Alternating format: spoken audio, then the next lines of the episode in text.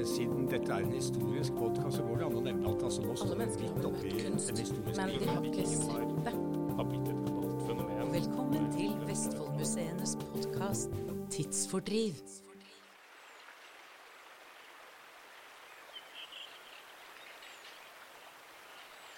Når du kommer kjørende til det gamle industristedet Berger, som i dag er et museum, så møter du en ren idyll. Mens du nyter en kopp kaffe fra kafeen, så kan du ta inn idyllen og høre fuglekvitter, og så kanskje gruble litt på hvor er jeg nå? For det er faktisk ikke så lenge siden at det var lyden av vevstoler som du hørte her. Berge var nemlig et pulserende gründersamfunn. Og om ikke altfor lenge så kan du høre lyden av vevstoler på Berger igjen.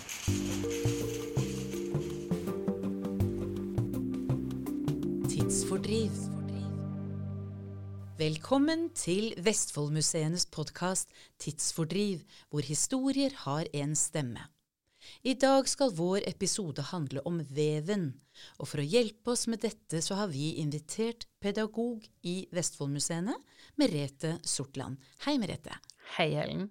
Så hyggelig at du er kommet til oss i dag for å fortelle om noe som rett og slett er en godt bevart hemmelighet. Veven ved Berger museum. Hva kan du si om denne, Merete? Den veven har jeg mange ting å si om. Den er mitt hjertebarn. Det er en vev som er plassert midt i utstillinga. Den, har, den går ikke enda. Den er på god vei. Den er fra rundt 1930, når de maskinelle vevene, antok den formen som denne veven har. Den er åpen. Det er ikke et deksel på denne veven. Alle maskiner av i dag har deksla. Du får ikke se tannhjulene som griper inn i hverandre og får ting til å gå rundt. Så den beskriver på mange måter samfunnet på Berger. Det er ikke bare en vev, den er mye mer. Den kan være et symbol på veldig mye mer. Et helt samfunn. Og hva var dette samfunnet da, når vi snakker om altså veven på Berger? Er det et begrep i bergersamfunnet? Ja, veven er jo det som har gitt liv. Det er starten på bergersamfunnet. På Berger var det én gård og fem husmannsplasser før familien Jepsen kom dit i 1879. De kjøpte gården fordi gården hadde vannfallsrettigheter fra Blindevann og ut mot Drammensfjorden. Dette vannfallet kunne de bruke for å drifte sine maskiner. Det er ikke noe stor fossefall og stor elv, men den var nok til å kunne drifte maskinene i fabrikk. Så det er altså kraften som Altså veven trengte kraften, og kraften lå der fra naturens side. Du sier de. Jeg lurer på hvem er de? Hvem er de? Dette er familien Jepsen. Kjære lytter, de vi snakker om her, er familien Jepsen. De var en familie med skikkelig gründere som bygde opp et samfunn på Berge på slutten av 1800-tallet. De starta fra grunnen med et lite gårdsbruk som de kjøpte av ei enke en vinternatt. Det gårdsbruket vokste til en fabrikk med et helt lite samfunn som inneholdt bl.a. arbeiderboliger, skole og selvfølgelig en kirke. Det var tross alt slutten av 1800-tallet, men det starta altså med familien Jepsen.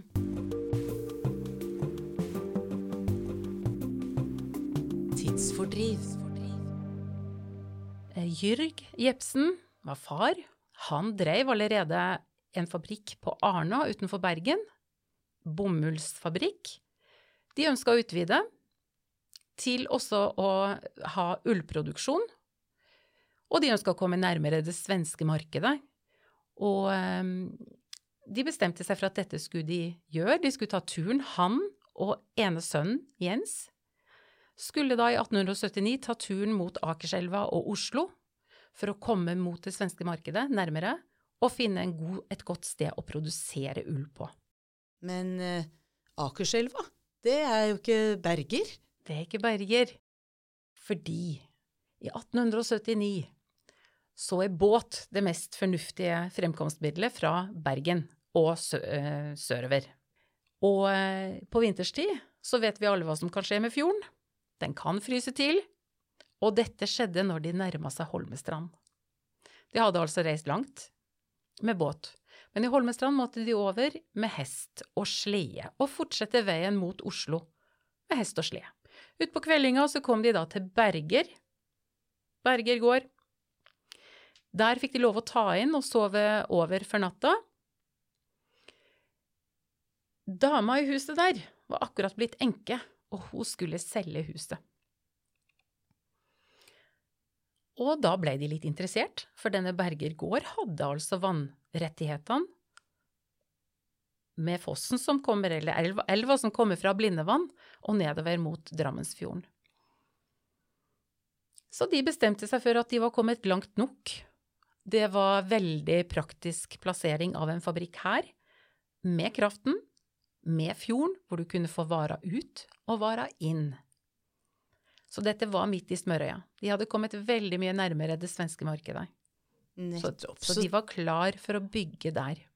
Så det er altså forklaringen på hvorfor det blir da industri på dette, på den tida, relativt lille stedet, eller denne ene gården. Det var naturgitte ressurser der, og så var det da rett og slett noen gründere, da, høres det ut som. Gründere med god erfaring. Og litt og penger. de hadde kapitalen. de hadde all kunnskapen. Så Hvor kom kunnskapen til. fra, da? Far eh, hadde jo fått sin utdanning og opplæring i England på bomullsspinneri, som han da starta med på Arna. Så eh, dette var jo overførbart, og, og også en, en onkel av denne Jens, da, drev også med, med tekstilindustrien. Så familien var i tekstilindustrien. De visste hva det ville, være, hva det ville si å være fabrikkeier. Hva må du ta hensyn til? Altså Først og fremst er det jo selvfølgelig at du må ha pengene til det. Du må vite at du har kraften til å drive maskinene. Men du må vite hvordan skal du håndtere menneskene. For på Berger var der ingen. Det var fem husmannsplasser. Det er ikke nok til å ha folk i en fabrikk ansatt. Så dette er rett og slett et industrieventyr? Ja. Men jeg lurer jo på, altså du nevner to navn, Jørg og Jens, far og sønn. Um, hvem er det som bygger opp Berger da, etter de har bestemt seg for dette stedet? Far er jo med, men det er Jens på 21 år som eh, skal bygge opp en fabrikk. Han skal håndtere bygging av selve bygget, eh, finne en fornuftig løsning på hvor maskina skal stå, og hva som skal være hvor, og hvor stort det skal være. Han skal finne folk til, og han skal finne maskiner, så han må nok ut på, på det engelske og det tyske markedet for å finne folk som kan karemaskiner, vevstoler, spinnemaskiner, farging, alt dette. Imponerende av en 21-åring. Ja, det er jo ikke sånn våre 21-åringer i dag. Hvis jeg nå bare går til mine egne gutter, da, så har jeg en på 20 nå. Han sliter med å få den middagen på bordet. Så dette er jo en eh, Han gjør det. Han får det til. Han skal ha det. Men det er en helt annen ansvarsfølelse, og man tar et helt annet ansvar i, da enn man må i dag. For det må vi ikke i dag. Han ble voksen tidlig, hører vi, men han blir jo også da tydeligvis av sin far gitt mye ansvar. Og dette tar han. Og Berger, hvordan vokser det frem? Det, hvordan gjør de det? Altså, de kom og kjøpte gården i 1879. Allerede i 1881 så står første fabrikk ferdig. Første vevstol går i juni 1881. Og når man har vært en tur på Berger og kikka seg rundt, så ser man at disse fabrikkene, det er ikke et, det er ikke et lite bygg. Det er et omfangsrikt, det er stort, mye innhold. Og da har de altså allerede fått i gang noen vevstoler. De har fått inn karmaskin. Jeg tror de har 20 vevstoler da, og så har de fire kareverk. Og det er romstore maskiner. Og da er de i gang. Og så vever de bekledningsstoffer, altså det man syr tøy, klær av. De eh, lager møbelstoff. De lager ullpledd og tepper. Og de lager det i en kvalitet som er helt på topp i europeisk sammenheng. Hvordan klarer de det? Altså Bruker de da lokalprodusert ull, eller hvor får de råvarene fra? De var veldig nøye på råvarene sine. De eh, skulle kjenne på dem, sikre at kvaliteten var i den mykheten som de ønska å ha i sine eh, pledd og tepper, for eksempel. Og da var det ull fra New Zealand. New Zealand til Berger. Lammeull fra New Zealand. Du verden. Så det kom i store kvanta på båt. Brygga lå jo der etter hvert, den var jo òg bygd opp da. Ble kjørt opp i fabrikken, på lager, og så starte hele prosessen med vask, med, med karing, med spinning, produksjon av renninger, få satt på veven, vevd i riktig mønster, og så en ting til. Som, og så hadde de etter, etter eh, behandling også selvfølgelig vask og valk og børsting av teppa. Alt dette skjedde på Berger. Men en viktig ting er vi har, vi har ulike vevstoler. Vi har det som kalles for en skaftestol. Den kan du veve ensfarga, stripe og rute. Skaftestol. Ja. Den navnet kommer av at vi har noe vi kaller for skaft, hvor det vi kaller for hovla henger på.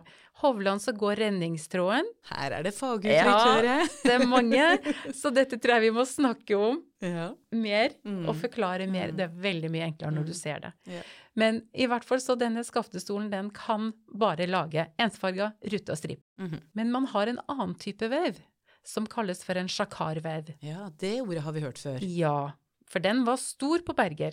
Og den første av disse sjakarvevene kom allerede i 1881. Hvor kommer den fra, da? Den er en fransk patent av denne mannen som heter Chakar, Ikke sant? som da eh, Altså vev, vevsystemet, kodinga i en vev, da lager du kodekort, og så bestemmer de kortene, de blir lest i en egen maskin, og så bestemmer de hvilke tråder som skal løfte seg. Og sjakarveven, da kan du bestemme én og én tråd. På skaftestolen så har du mer begrensninger. Betyr det at det var da forskjellige typer vev til forskjellige typer hva skal vi si, eh, produkter? Så hva lager du på en skafte, skofte, skaftestol? Skaftestol kan Ja, du lage mhm. både alt. Du kan lage alt på en skaftestol, men det kan ikke være et annet mønster enn stripe og rute. Nei, nettopp. Mens i sjakaren så har du full frihet. Du kan lage alle de organiske formene du vil. Du, det er ingenting som stopper deg. Så det er på en måte mykere former i en sjakard. Mønsteret som du kan skape der, Mm. er absolutt mykere. Eh, Bruker du den samme fine ulla på begge stolene? Så lenge du skal lage Det kommer an på hva du skal lage, da. Skal du lage et teppe eller et pledd, så er den der fine eh, lammeulla genial. Og det blir jo så deilig og mykt. Men skal du lage et eh, bekledningsstoff, eller skal du lage et møbelstoff, så må du ta hensyn til andre ting. Da er det andre ting i fiberen som gjør Altså den tekstile fiberen som gjør at du får et slitesterkt stoff som varer lenger. Du har også en annen ting, og det er knytinga i veven.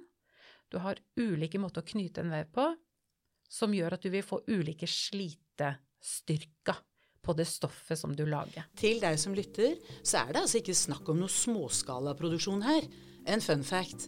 OL-teppet fra Lillehammer i 1994 ble faktisk produsert her på Berger. Du husker kanskje det pleddet med Coca-Cola-merket, maskotter og hele pakka. Så eh, markedet var stort. Det var om å gjøre å finne hvem som hadde bruk for det du kunne produsere, og ut og tilby sine varer.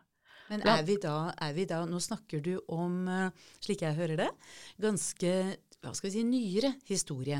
Jeg lurer jo på, når vi går da på slutten av et 1800-tall, klarte de å være en bedrift som hadde et europeisk marked, f.eks.? Det tror jeg nok de hadde. De var jo i det, Vi hadde jo dette som kalles, og det har vi jo fortsatt, da, men som kalles for um, Verdensutstillingen? Ja, eller? takk, Ja, verdensutstillingen. mm. Da kunne man komme med det som landene hadde å by på av god kvalitet. Berge representerte Norge ofte. Og i disse representasjonene i tekstildelen så kjempa jo de om heder og ære med Frankrike, med England og med Tyskland. Og de fikk bronsemedalje, sølvmedalje og til og med gull. For kvaliteten. For kvaliteten på det som For de produserte. Mm. Det er jo en flott historie, og det er altså den eh, hva skal vi si, kvaliteten og kunnskapen som er med på da å manifestere samfunnet Berger.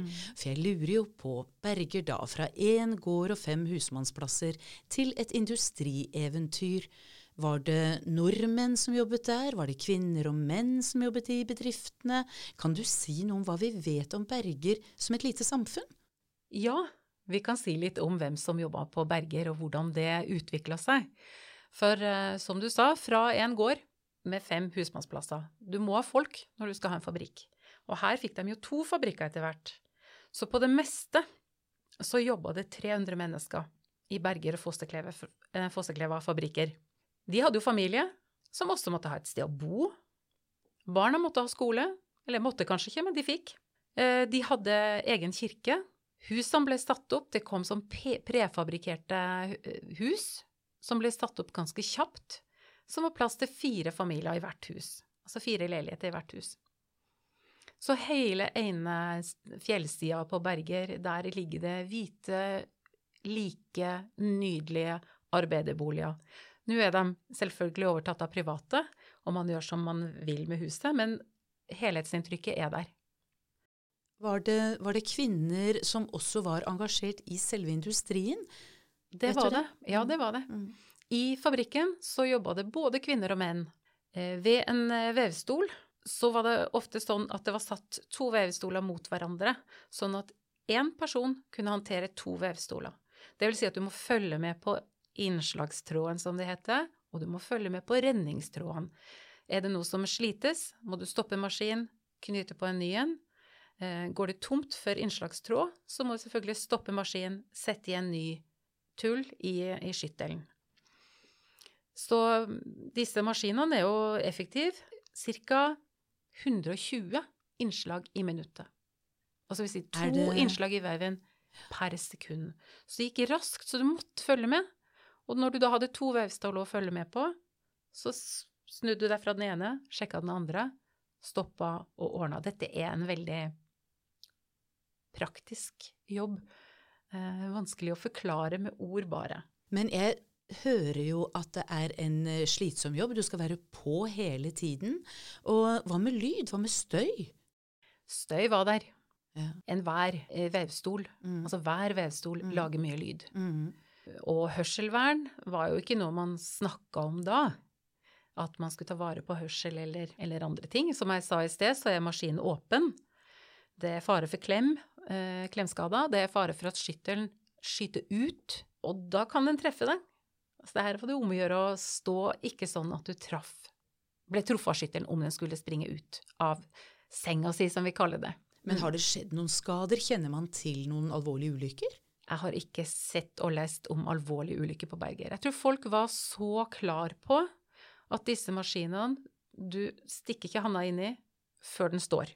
Nei, akkurat. Når du skal justere noen ting, mm. slår den av. Mm. Mm. Så dette er selvfølgelig fagkunnskap som da Var det sånn, tenker du, at det var nedarvet kunnskap? At hadde man vært engasjert ved Berger eller ved Fossekleven, så ble man der? Man ble i denne industrien? Det har vi også eh, eksempler på, at, familie, at det går i familien. Mm. Men det å være en stolstiller, mm. altså den som kan stille vevstolen til mm. å gjøre det du vil den skal gjøre, -hmm. hvor tett skal den veve? Eh, ja, alt dette, det var det fire års læretid for å få lov til å stille en, en vevstol. Så da er du rett og slett en fagarbeider? Da er du fagarbeider. Og fagarbeidere var der til å gjøre den jobben. Men de som kjørte stolen, de var ikke fagarbeidere på samme måte. Hvis stolen da gikk i stå, at den ikke klarte å gjøre jobben lenger, så var det å hente inn eh, den ansatte som var ansatt der, for å kunne reparere og få den i gang igjen. Tenker du at her har vi forskjell da på utlendinger og nordmenn? Har vi forskjell mellom kjønnene? Ja, begge deler. Mm. Utlendingene kom med fagkunnskapen. Så i hvert fall lang tid fremover så er det engelskmenn og tyskere som, eh, som kan stolstilling, som gjør den jobben. Og så kommer det ufaglærte inn som læres opp for å kunne drive vevstolen. Og det var ofte damene. Menn som kom, var de som hadde fagkunnskapen om maskinen, og damene vevde. Så eller er, spann. Er da Berger å anses som et lite, men internasjonalt samfunn? Ja. Vi, eh, mange eksempler på det i Berger. Vi har en, eh, en som kom dit ganske tidlig. West Bullen kom fra England. Han eh, hadde en stor familie i England, 13-11 barn eller noe sånt, når han da ble headhunta til Norge. Da fikk han et, en traff sin overordna på vei til Frelsesarmeen i uh, Oldham, der han bodde i England. Eh, hvor da hans overordna sier eh, Would you like to go to Norway? They need your Expertise, ja, ikke sant? Mm, ja. ja ja, no problem, sier han. Og så kommer han på kontoret dagen derpå, eller i fabrikken. Han hadde jobba i fabrikk fra han var fem år. Og så spør sjefen ja, er du klar da til å dra til Norge? Norge? Wasn't it Norwich? så da, etter eh, så mange år i fabrikkstøy, så hørte han ikke innmari godt. Og han hadde da mishørt. Altså ikke Norwich, men han skulle til Norge. Mm. Men han var en mann som holdt sitt ord, så han dro til Norge med sin eldste sønn, som da var 14 år, og begynte å sette sammen vevstoler på Berger og kareverk. Det var det han kunne. Så kom fruen etter, med alle barna, hun var jo da gravid da han dro, og de fikk en hel arbeiderbolig for seg sjøl. Men jeg tenker jo også at det må jo ha vært innflytelse fra den skipsfarten med anløpene. Så sånn sett så kan vi jo se for oss et samfunn på Berger som rett og slett var ganske moderne. Det var det. Du hadde alle fasiliteter der etter datiden. Mm. I dag ligger det jo skikkelig i bakevja. Altså, du må kjøre ut og bort fra veien eh, for å komme ut der. Men når du først kommer dit, så kommer du til, til ei perle. Så det er vel verdt turen. Og hvis man drar til Berger museum, så kan man altså se veven og få følelsen av dette industrieventyret. Det er vårt håp at veven skal kunne settes i gang når noen vil se den i gang. I tillegg så skal den gå hver mandag for å produsere i den grad vi kan klare det. Vi som har vært i prosjektet med å få veven opp og gå, jeg er vevkyndig på en vanlig vev, men jeg er ikke vevkyndig på en maskinell vev, og jeg er ikke stolstiller, så vi har vært veldig avhengige av gode samarbeidspartnere, og det har vi fått i eh, Sjøllingstad ullvarefabrikk Hvor ligger den? utenfor Mandal. Der ligger det altså et eh, fabrikkanlegg oppe i skogen som har full alle maskiner som trengs for all produksjon. Den er da skal være et sånt bevarings... Den er freda av Riksantikvaren, og alle prosesser skal gå. Det skal være i bruk. Så Og de det- har innimellom tid til å komme og hjelpe Mm, oss, men mm. ikke alltid. Og nå venter vi på siste lille hjelp til å dobbeltsjekke at det vi har knytt på av kort som skal styre skaft og skyttel, at vi har gjort det riktig, og at han kan komme og høre på lyder som vil komme i veven. Er det riktig? Er det denne lyden vi skal ha? Før vi to som da har fått opplæring i det å kjøre vev, og fått eh, gjort hele prosessen med å tre den og ja, eh, få den til å se heil ut, da. Men da skal vi kunne begynne å veve hver mandag. Da er det ikke kafé åpen, da er det ikke kultursenter åpent, og da kan vi bråke.